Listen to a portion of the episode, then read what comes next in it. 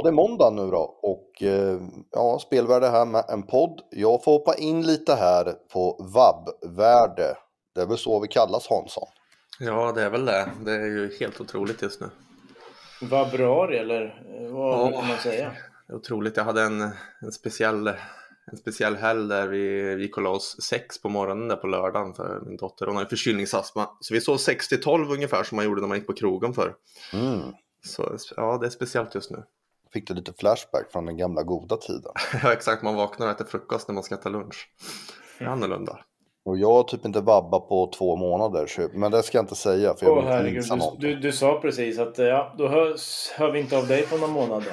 Nej, Nej jag, jag, ja, det... jag, jag börjar tro att ni ljuger om alla jävla sjukdomar, för jag har aldrig haft sjuka barn. Nej, starka gener.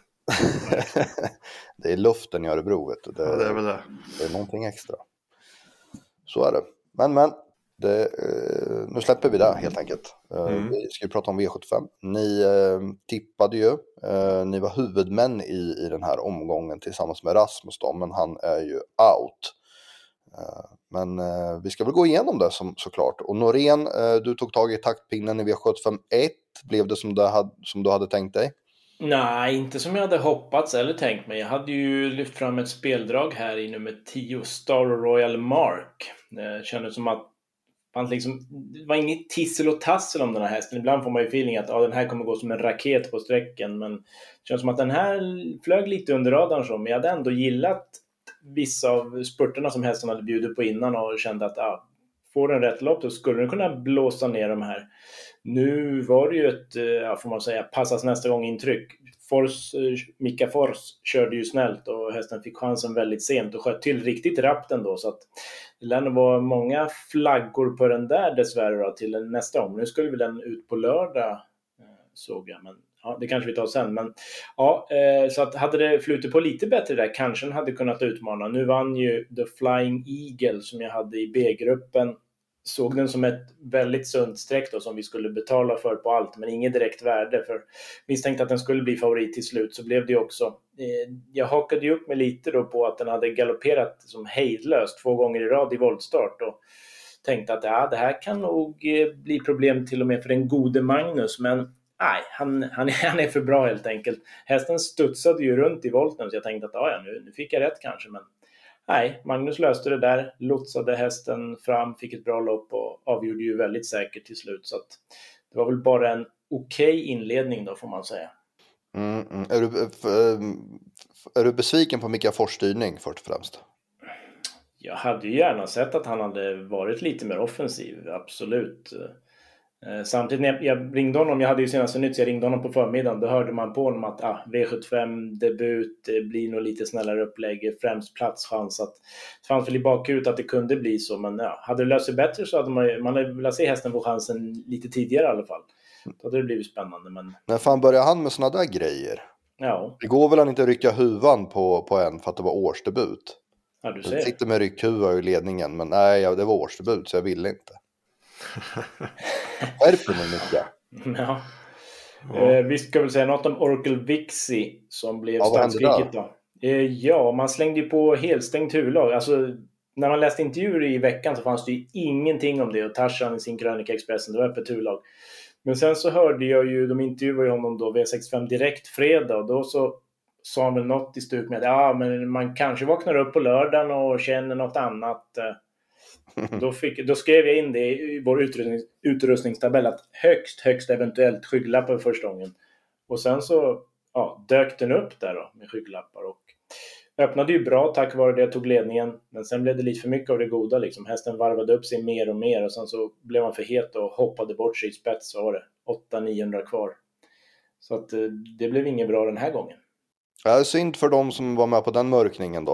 Eh, ni fick inte betalt den här gången. Nej. Jag tror, jag tror att den värmde med helstängt faktiskt. Ja, jo, ja precis. Mm. Den, den, kom ut uh, i värmningen med helstängt. Så att det mm. fanns ju, det var inte så att den svårt att bara berätta det eller? Oj. Och de började snacka om det där på liven också. Att, uh, så att, så att följde man tävlingarna så, så fick man ju info. Men med före... hjälp av att det var V751 fick man det så att säga. Ja, ja men precis. Följde man mm. bara snacket i veckan så var det ju chanslöst att veta det. Huvudlagsanmälan? Frågetecken. Uh, utropstecken. Ja, det är sånt här som gör att det kommer bli. Uh, ja, det är klart att. Och det är ganska givet att det borde bli också. Jag menar, de, 95 procent av alla sätter ju sina huvudlag på måndagen till V7 i intervjuerna. Det är ju inga konstigheter. Så det är klart att det skulle funka. Ja, vi lämnar väl det där kanske, V751. V752? Ja. Det är bara, det är bara låt showen rulla vidare, Jonas. Mm. Eh, ja, Dånklara, nummer åtta, favoriten, ströks ju eh, väldigt kort innan start. Här var inte jag riktigt med i matchen, men jag tror det var efter provstarten va? Ja, det tror jag stämmer. Mm. Såg inte att, bra ut. Han slog upp något sår i värmningen eller vad han sa. Va? Så att, ja, kände väl av det lite och såklart väldigt bra Olle att stryka då. Eh, så då blev det ju ja, lite annat utseende på loppet, men Etel serverades ju ett bra lopp av Henrik Svensson och fick ju ja, väldigt knappt dit nosen först och före en bra technolina. Eh, jag hade ju, när jag tänkte att Dånklara skulle vara ganska klar favorit i det här loppet och procenten gick ju ner så att för mig var det ändå ganska klart första val. Hon var ju klart snabbast liksom. Det handlar ju bara om att det skulle stämma under vägen så skulle hon ha bra chans att vinna. Men nu hade jag ju istället Åsemona, blev det som tipsetta. Hon ja, hade väl förväntat mig lite mer ändå. Sen så hade jag Etel i A-gruppen ändå, för jag tyckte hon var väldigt stark och bra. Även om hon stod lite tuffare inne så skulle hon duga fint. Och sen så började det ju sippra ut lite ja, sådana där sådär-rapporter liksom. Henrik Svensson oroade sig lite för banunderlaget. Då, och redan innan hade hästen sjunkit i procent. Så att det var nästan så jag blev sugen på att ranka upp den som etta bara, liksom, att värdet skulle öka eftersom ja, snacket är sådär alltid om banan. Och sen hade den värmt och då var allt frid och fröjd igen. Liksom. Så det där snacket har man ju lärt sig lite att förbise liksom, och inte stirra sig blind på. Så, men, men positiv insats från Technolina som var ytterst knappt slagen då. Ove sa väl efter att hade han ryckt huvudet så hade det nog blivit seger, men han vågade inte riktigt. Då hade det nog blivit galopp trodde han. Ja, det var väl det han sa. Hon har utvecklats bra känns det som Technolina. Verkligen. Varit, lite, varit på vinterbanan där i, ja, inte riktigt lika tuffa gäng men ja. Har lite mer att hämta. Tycker man om statistik och sånt så var det verkligen extremt med den här Etel. Hon har, inför det här hade hon 7-12 under vintern och så ett, en av 11 övrig tid på året. Så att, ja, riktig vinterälskare som det verkar. Jag trodde du skulle dra några X-Labs-tider. Nej, det, nu... nu du, idag slipper jag Du är tillbaka, då slipper jag bli tvingad. det... ja, herregud. Ja. Ja, ja, vi får se om jag dammar fram något då. Det hoppas vi. Ja, men snyggt. Eh, gulddivisionen då? När ska du ta stopp för High Pepper egentligen? Ja, det är väl över ja, när de allra bästa kommer ut. I maj och, eller? Ja, kanske något sånt. När han provar 1600 kanske. Om han gör det. Nej, han är ruskigt bra helt enkelt. Men det blev ju inte alls kört som jag trodde. Vi hade ju satt väldigt hög spetschans på High on Pepper. Mm. För det, alla som hade kört det här i badkaret förstod väl att Phoenix Photo skulle spetsa så skulle Jorma bara åka fram och man hade ju mer eller mindre sagt att man ville ha ryggen. Så men Jorma hade väl inte hört eller läst det här eller tänkt att ah, Örjan i spets med en bra häst, det är ingen idé att prova. Eller om man bara ville kontrollera loppet där utanpå liksom. Men det var förvånande för mig i alla fall. Men nu löste han ju uppgiften ändå. Det blev ju billigt, lågt tempo under vägen. Och så hade jag ju spelat en maxtvilling här på spetsehålet, men nu löste ju sig det ändå då. Phoenix Photo höll ju undan som tvåa. Men ja, fel scenario, men pengarna betalas ut ändå. Ja, det var ju ruskigt stabilt ändå. Det, och sen så, visst Iron Pepper han går ju oerhört bra med skor så han fungerar bra den här tiden men när de ryckte dojorna på honom där eh, också så gav ju även det effekt när de gjorde det så att eh, mm. känns det som att han kommer fortsätta skörda. Verkligen. Det lopp i jubileumspokalen när de tog av bakskorna där, det var ju helt otroligt. Ja, annars gick väl Demon, Demon bra när den eh, rätade upp sig över upploppet, spurtade väldigt fint. Uh, och sen var det dags för Hansson show. Ja, det var ingen vidare show. Det var, det var eh, dåligt får man säga. Men uh, vi drar väl igång med V754 tror jag. Ja, det tycker jag. Mm. Olivia CH spetsade där. Uh, var väl inne på att hon var en outsider för hon är ju snabb felfri. Men jag tyckte ändå att även om hon skulle gå felfritt att Exactment var ganska klar favorit ändå. Då. Uh, men Olivia höll väldigt enkelt upp och där drog, drog hon på i i, i sin fart och ja, det, det, såg ju ut som att Jade Sisu var i allvarlig närkamp där i sista sväng men Olivia Seo klev ju undan rätt så säkert ändå även om det närmade sig, Vilja TC och Crazy Life närmade sig sista biten men det var det var en stabil vinnare ändå. Ehm, 4 procent, så det var väl dagens roligaste vinnare. Jag hade den rankad sexa tror jag och det var väl okej, okay, inte mer. Ehm, jag hakade mig väl upp lite för mycket på galopp, galopprisken där. Hon hade ju galopperat i 6 av, 6 av 10 senaste och typ 7 av 12 med voltstart så hon är ju väldigt osäker. Men man kanske borde ha förbisett lite ändå med tanke på att hon bara var 4 där och är bra. Men, ja. Det var en okej okay vinnare ändå, vi hade ju henne på, på systemen. Mm, mm. Crazy Life där eh, hade, fick en ny pallplats utan att vinna. Ja, den är, ja, den är en tapper får man säga ändå alltså. Och ja, bet ju väldigt bra när den fick sällskap liksom häst utvändigt. Igen. Ja, precis. Får hon det tidigare så tar hon ja. sig nog förbi. Men... Ja, helt otroligt. En seger bara ändå. Visst, den är hårt matchad och sådär, men ja. Mm. Jag tror det känns inte... som den kämpar på hyfsat tycker jag. Liksom. Ja, jag, jag tror han har fast bomull på henne fortfarande. Okej. Okay, Vilket ju kan vara lite intressant att se om de det kan ju bli en liten kick om man plockar något på henne. Jag är inte hundra men jag, tyckte inte, jag tycker inte jag har sett att de har dragit någonting på henne. Tar väl tio raka sen med det där. ja, vilken var det? Vad heter den här digitalhästen han gjorde det på? Var det ja. Digital Class eller var det den andra? Vilken av alla 200? Ja, det var någon av de där märrarna när de drog och så var hon, ja men då, då sa det, sa det fart. Var hon fyra raka någonting efter det typ. Han är ganska bra på det där Tarzan med sina utrustningsändringar. Han är inte lika bra på att berätta om det men han är bra på att få effekt. Exakt. ja. Så är det. Uh, silverdivisionen var en tunn soppa. Ja, vi spikade ju LA Boko här då. Uh, på min inrådan och det var väl, uh, han galopperade ju med varvet kvar där utan och han blev rullig och bara galopperade.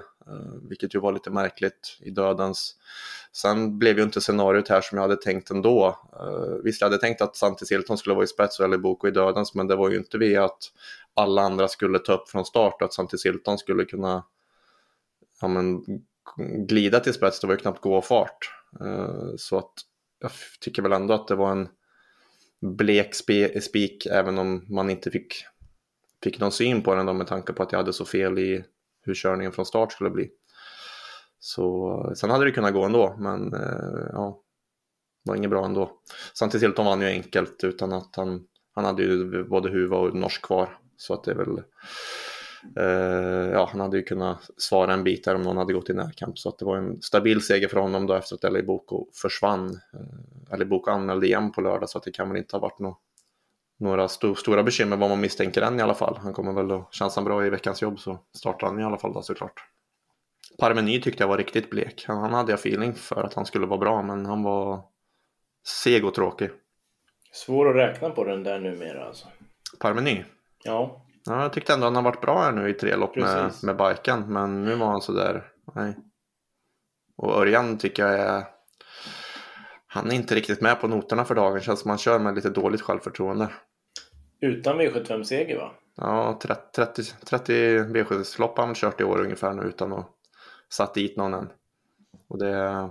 Världens bästa kusk enligt Rasmus. Men eh, det, det släpper nog.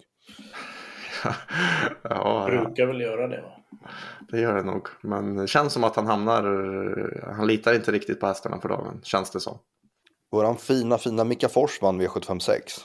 Ja, han lyckades med knapp marginal där eh, hålla ut Never Too Young och ta sig till döden. Så väl där så såg det väldigt bra ut för Gertrud Sisu. Älskar ju att gå i dödens i princip. Och det var passande motståndare och kort distans och, och allting sånt. Så att eh, jag hade honom, hade Benchmark och Gertrud Sisu i A-gruppen här. Och eh, Gertrud Sisu som rätt favorit i loppen. Men jag var lite rädd för att eh, ja, dels har han laddats från, med spår långt in någon gång och galopperat. Eh, var varit stabilare än spår långt ut. Så att jag var lite rädd för det eftersom han var tvungen att ladda här nu för att ändå komma till dödens. För det var ju dit han ville. Hästen är ju inte lika eh, gåvillig ryggar. Och skulle Never Young ta sig förbi från start så vill ju säkert den ha dödens för den är ju lite samma typ att den går bra utan rygg. Så att jag var lite rädd för de sakerna men eh, ändå att det var en korrekt favorit då, och han visade ju att han var var bäst när loppet blev på det här viset. Benchmark spurtade okej okay efter lite för mycket grovjobb. Um, känns som han är lite för osnabb med skorna på på något vis. Men han gick väl okej. Okay. Så att eh, positiv avslutning av Luca di Quattro. Och så tyckte jag att Never Too Young såg fin ut i biken där, öppnade väldigt bra också. Så att eh, hon kommer nog att ha lite mer att hämta även framöver trots att hon har tagit några raka här inför lördag. Då. Ja, ska du eller jag säga det? Jag, jag satt just och väntade på, ska du eller jag ta X-Labs? Men eftersom du är, Nej, men, är här så får du Nej, göra det. Ja, men kör. kör du. Det är du som gillar det här. Jag, jag, jag gillar inte det här med allt, men ja, ja. 066 sista 200 snabbast idag. Never too young? Ja, mm, okay. ja snabbast i lördags. Ja, ja, fan vad intressant. Ja, men då har vi där, vet vi där då Jonas. Precis. Skohornade du in. Ska man säga någonting om Ärjon också eller? Höll väl ungefär som väntat från spets eller? Räckte inte riktigt men höll klart godkänt, eller vad säger man? Ja, alltså efter förväntningarna var det väl Ja, ja. jag tyckte han var spelad ungefär när han skulle och det var väl, kändes rimligt även i efterhand. Ja, jag, jag fastnade vid X-Labs här bara. Jag tyckte det. Berätta, låt höra. Nej, jag skiter i det där nu. Jaså? Nu får det vara bra. Jaha. Sista avdelningen. Ja, det var, just det. Det var, en, ja. det var en sorglig historia det också. Ja, berätta var, varför det var en sorglig historia. Ja, för att eh, Magnus provade en liten bit och han såg att han inte skulle komma förbi Örjan. Eh, det var King of Jazz Wings Level som var de normala motbuden här till Yates Pepper Time.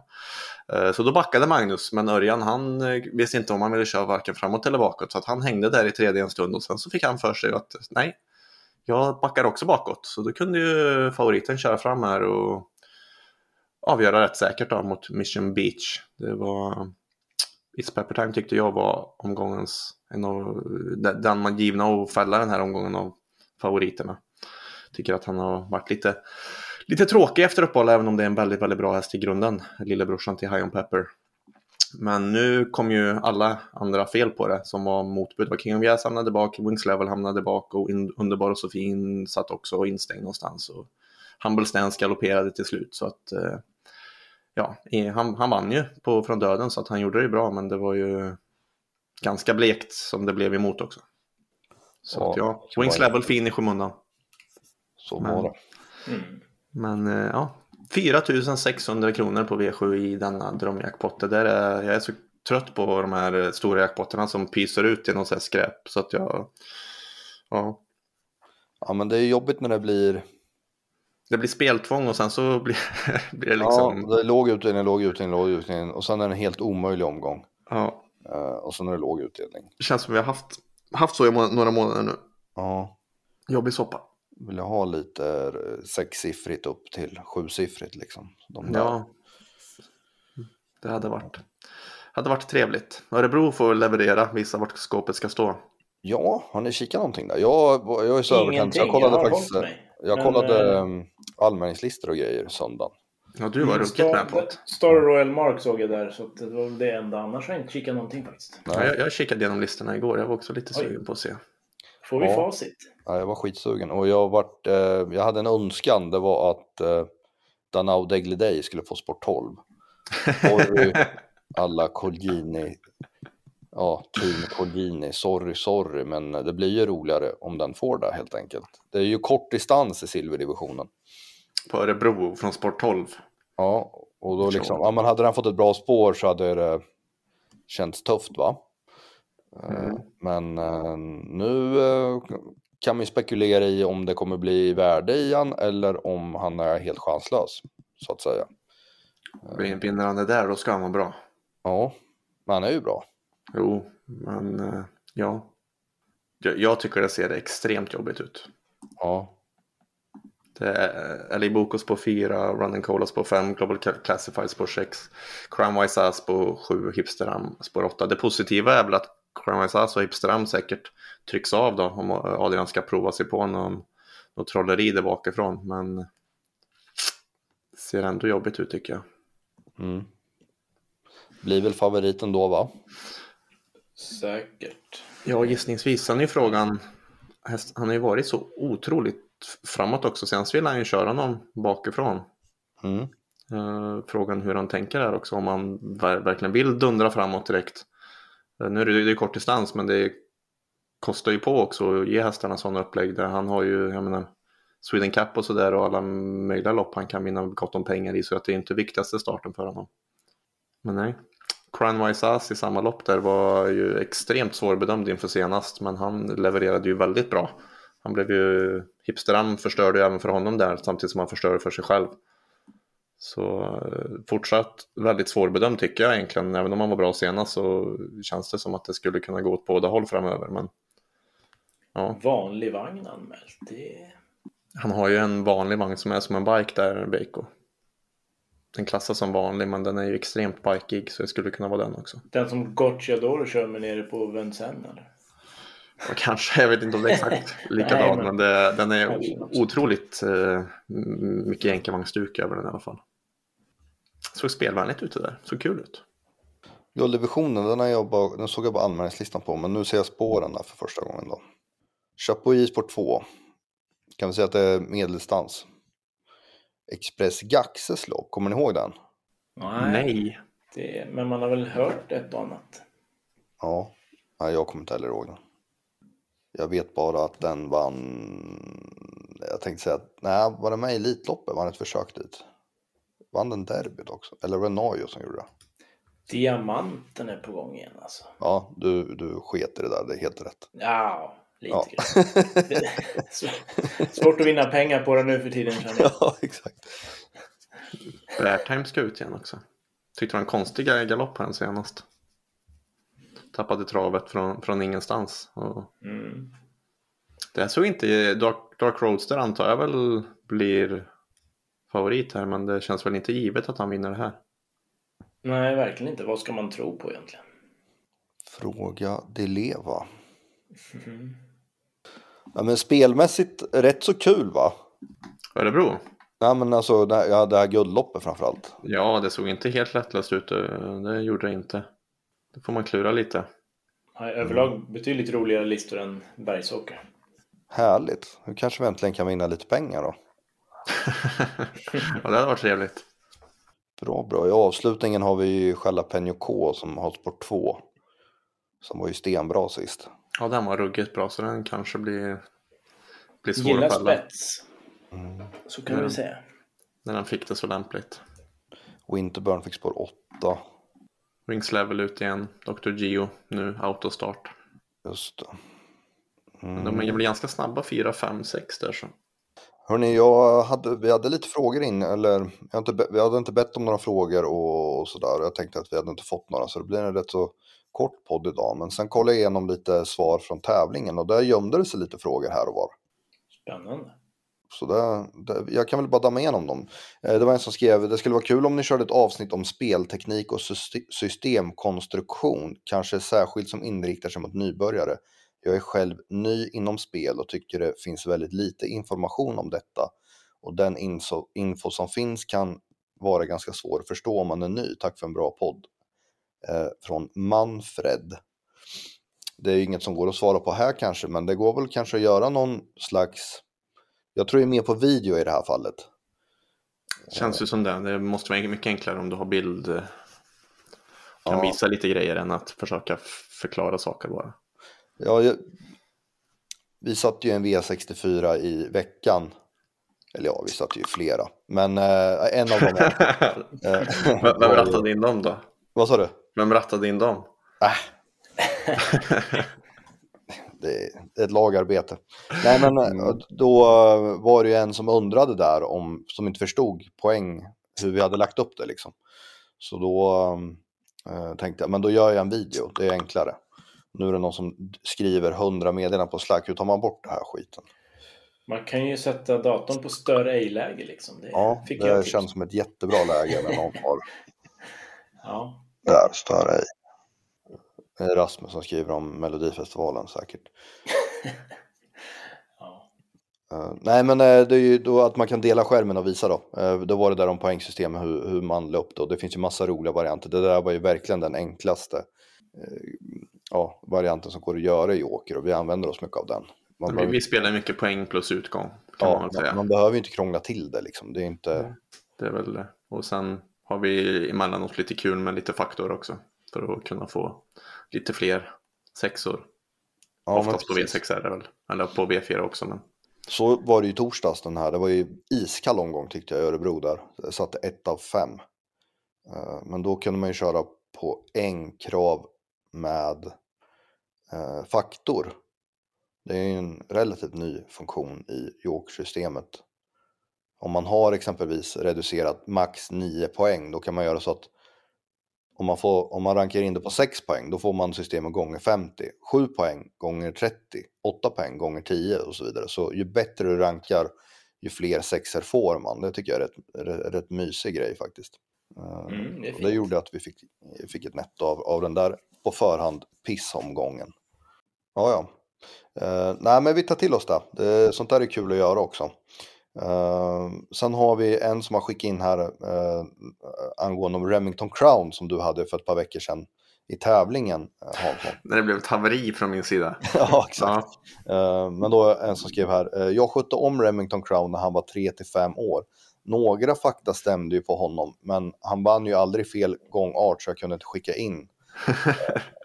Derbyt var det alltså ni tänkte på när han vann med startgalopp. Vinna derbyt med galopp innan det gjorde Smaragd 1955. Så han är eh, lite unik där. Men sedan gjorde Robert det igen med Hilda några år efteråt. Det känns som att Ro- Robert är ganska unik på att göra det i modern Ja. tid ungefär. Ja. Så han har gjort det två gånger om. Och det hörs att ni inte lyssnar på Hansson och Lindbergs podd numera med båt. Där de pratar hela tiden om ganska unikt, att det inte finns något som heter ganska unikt. Eh, Det är någonting eh, de lever för där skulle jag säga. Jag skulle säga att hela podden handlar om att prata om ganska unikt. Känns som att det är en här Rickard Att man antingen är det unikt eller så är det inte unikt. Rickard Det är Hansson ganska unikt. fråga känns det som det där. Vad sa du? Det känns som en Rickard Hansson fråga. Ja, men det är faktiskt Lindberg som drar det stora lasset kring det där. Han är ganska unik där skulle jag säga. Ja. Men eh, nu även, och tack för en bra podd. Fråga till Axén. Det låter som att du lätt har Adrian som topp 10 driver i Sverige, kanske till och med topp 5. Vilka av dessa 10 tycker du han är bättre än? Eh, Mats Djuse, Magnus Djuse, Örjan Goop, Erik, Ulf Olsson, Stefan Persson, Wäjersten, Jeppsson, Johan Untersteiner. Ni får ju också vara med och svara på det här. Gisses. Men jag vet att ni, eller ni kanske inte ens har han som topp 10, men alla de där namnen är bra, men jag säger eh, bort med Uffe, in med Adrian där. Så har vi en fin lista. Hade han inte Lennartsson på... Nämnde han inte Lennartsson? Eh, nej, Nej. han, han är också bra. Ja, nej, men jag tänkte, jag, jag, jag håller Adrian vassare än Lennartsson. Också. Ja men det absolut. Men eh, av de där tio, ja det, det är väl... Nu kommer jag inte ihåg alla tio på rak arm så men ja. Olsson, nej men jag, jag tror nog också jag väljer Adrian före Olsson faktiskt. Det är så extremt, en sån extrem generalisering det här också så att eh, Olsson på de här bergen, de här kallbloden, det är Precis, ju, det är ju... han är ju- enorm på den liksom.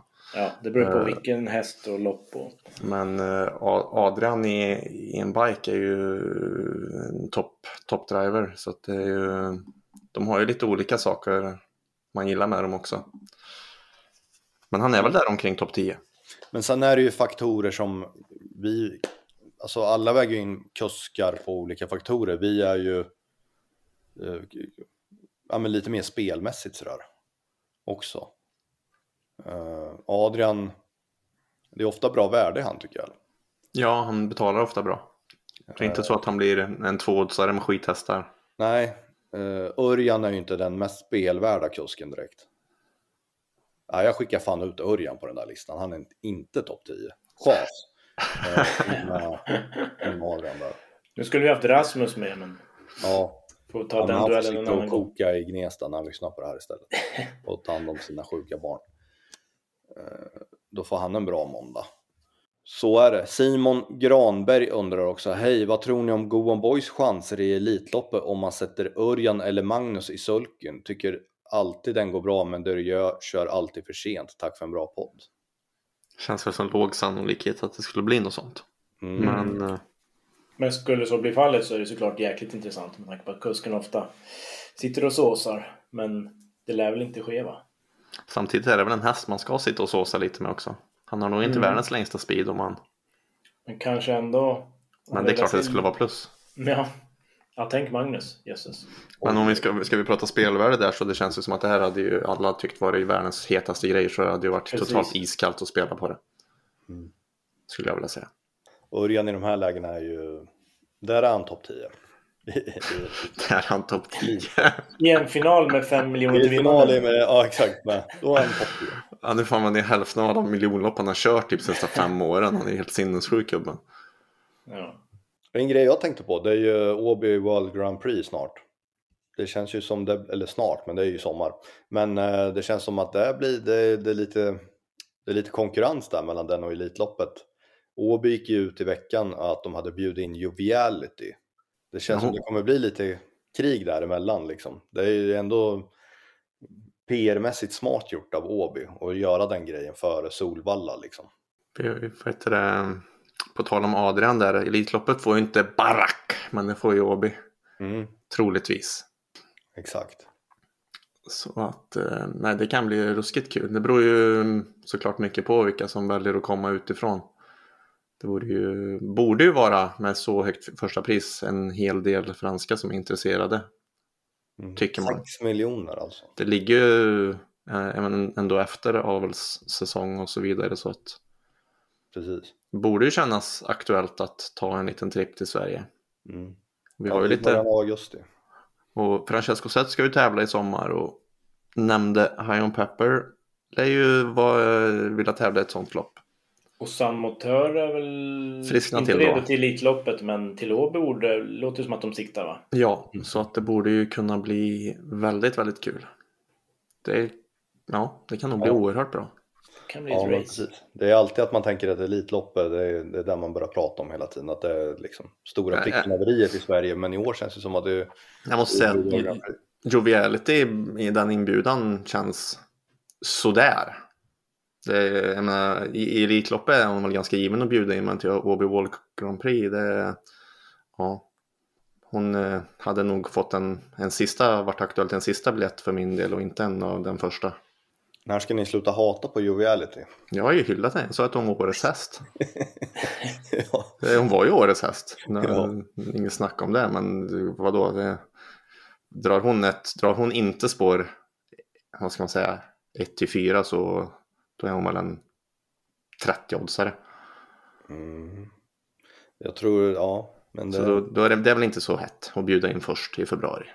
ja, men jag tror att det finns en tanke bakom det. Rent marknadsföringsmässigt. Ja, Som det, ett litet långfinger till Solvalla typ. Vi, vi er eller någonting. ja, det är väl möjligt. Men det, det hade kunnat komma en, en kaxigare inbjudan. Jag menar, hade de flaggat upp, i den, ja, hade de flaggat upp den så hade det ju varit det längsta fingret. Ja, Mm. herregud. Det kan man säga. Ja, spännande. Det blir kul att följa det där i alla fall. Eh, Så är det. Vi avslutar med en tävling.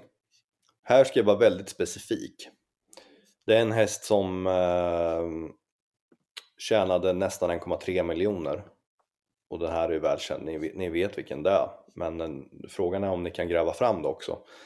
Eh, och jag kommer vara väldigt specifik. Den började hos Claes Liljekvist där den bara gick premielopp. Gick sen till Roger Wahlman Johan körde för det mesta. Det var när han jobbade där alltså. Eh, så man förknippade den här hästen eh, en del med Johan. Gick sen till Berg. Gjorde inte så många starter. Tog i alla fall tre segrar. Gick sen till Westholm. Gick sen till Thomas Lund. Och sen till Stefan Arvidsson. Där den tävlade väldigt länge. Och la av för ett par år sedan. Hoppa runt en del. Ja, det kän- känns det som att har man ett någorlunda minne så tar man det där, men jag har inte det. Man borde men får inte upp någon bild i skallen. gjorde sista starten 2021. Så Rasmus och det där gänget har chansen. Ja, tavlingetspelvärde.se är det va? Exakt! Och eh, förra veckan hade vi ju du Jonas som hade Ja, en ja. liten luring. Kan du berätta? Spansk häst. Mm, Treboll. just det. Superenkel när man vet det, men eh, jag hade problem Ja. kan jag säga. Eh, Det var ju storlopp i Finland och Frankrike och vad det var va? Precis. och hade ett världsrekord, ett annorlunda världsrekord. Precis. Och då var det ju, var det nu, om det var 56 eller 65 raka segrar hemma i Spanien. Ja, Innan det tog stopp. Mallorca där, vi har ju varit där och kollat på trav där. Det känns som att man skulle kunna hämta en random häst i en hage bara eh, här och vinna lopp där. Så det, ja, Det, att, det är nog inte helt off. nej, att Trevol skulle vara obesegrad i, re, re, ja, med hans meriter, det var ingen chock direkt kanske. Men eh, sjukt starkt ändå. Vad sa du? Sa, var det 60 starter? 65 eller 56? Jag får. Ja, oavsett är det ju helt otroligt mycket. Känns totalt oslagbart faktiskt. Om inte typ Francesco Zet går till Mallorca och kör den i några år. det hade varit något. Ja, så är det. Men, men. Eh, vi har en vinnare, Kristoffer A. Har inga efternamn, det är inte jag. Men Kristoffer A, jag lägger in eh, på dig. Du får V75 Örebro i helgen då. Eh, 56 raka var det om någon undrar. Ja, det är ju helt otroligt. Ja. Så är det. Ja, men skicka in till Tavlinget Spelvardag om ni kan eh, veckans tävling då. Så tackar vi för oss. Ha det bra. Hej då.